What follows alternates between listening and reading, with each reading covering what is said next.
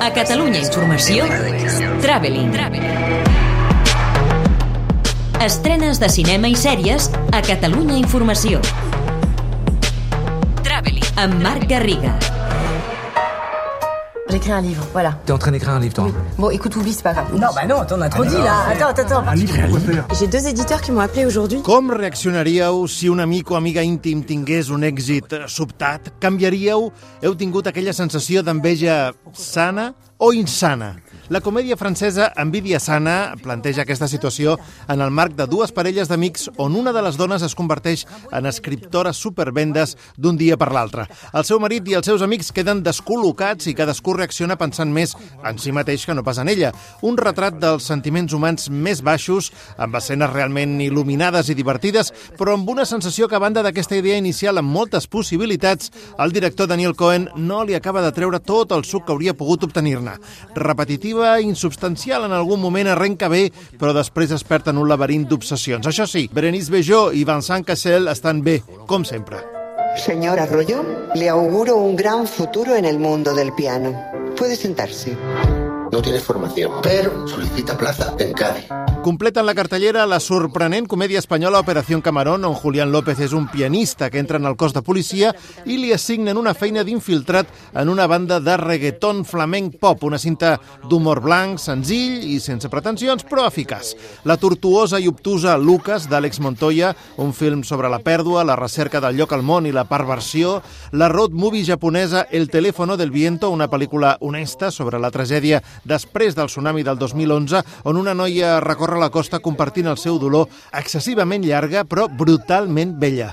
La premiada La vida de los demás, la pel·lícula iraniana de Mohamed Rasulov que es va endur l'os d'or a Berlín l'any passat, parlant de pena de mort i de política al seu país, i per acabar l'animada Spirit, Indomable, una baula més en la poc reeixida saga de cavalls, eugues i noies Janet que estira el xiclet del seu film inicial que va estar nominat a l'Oscar fins i tot, però que la sèrie de Netflix ja ha demostrat que està més que esgotada.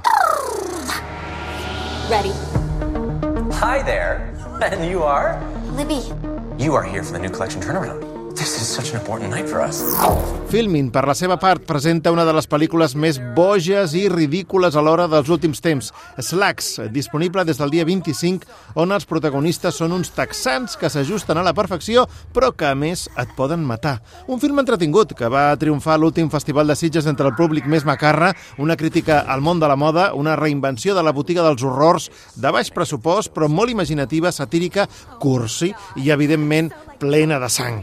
També en plataformes s'estrena el dia 28 a Movistar Plus Cowboys, un western modern, premiat a Tribeca, amb el guardó a millor guió, protagonitzat per Steve Zahn, que parla d'un pare amb problemes que s'ha separat recentment perquè la seva dona no deixa que el seu fill trans visqui com a nen i aleshores s'escapa amb ell al desert de Montana. Running and running and running and running. Hello? A memory isn't simply a thing you have. Pel que fa a les sèries, Amazon presenta Solos, una antologia de set capítols que promet més del que acaba sent, amb un repartiment estel·lar, això sí, amb Helen Mirren, Anne Hathaway i Morgan Freeman, que expliquen històries diverses d'aïllament, de connexió humana, una proposta interessant però realment del tot desaprofitada. A Disney Plus, en canvi, la misteriosa Societat Benedict és una curiosa i sòlida sèrie d'aventures sobre uns nens eh, superdotats que han d'afrontar una missió per desactivar un malvat que vol rentar els cervells dels adults. A Filmin arriba Cèl·lula de Crisis, un thriller que posa al descobert una trama de geopolítica global a través d'una ONG arran del segrest d'una de les seves delegades al Iemen. S'estrena el dia 29. I per acabar, a Netflix, Sexo Vida, on la protagonista és una dona amb un passat sexual atrevit que no lliga amb el seu present d'esposa i mare, però que es veu trasbalsada quan el seu ex d'aleshores torna a la seva vida. Traveling. Estrenes de cinema i sèries a Catalunya Informació. Amb Marc Garriga. We are somehow all together.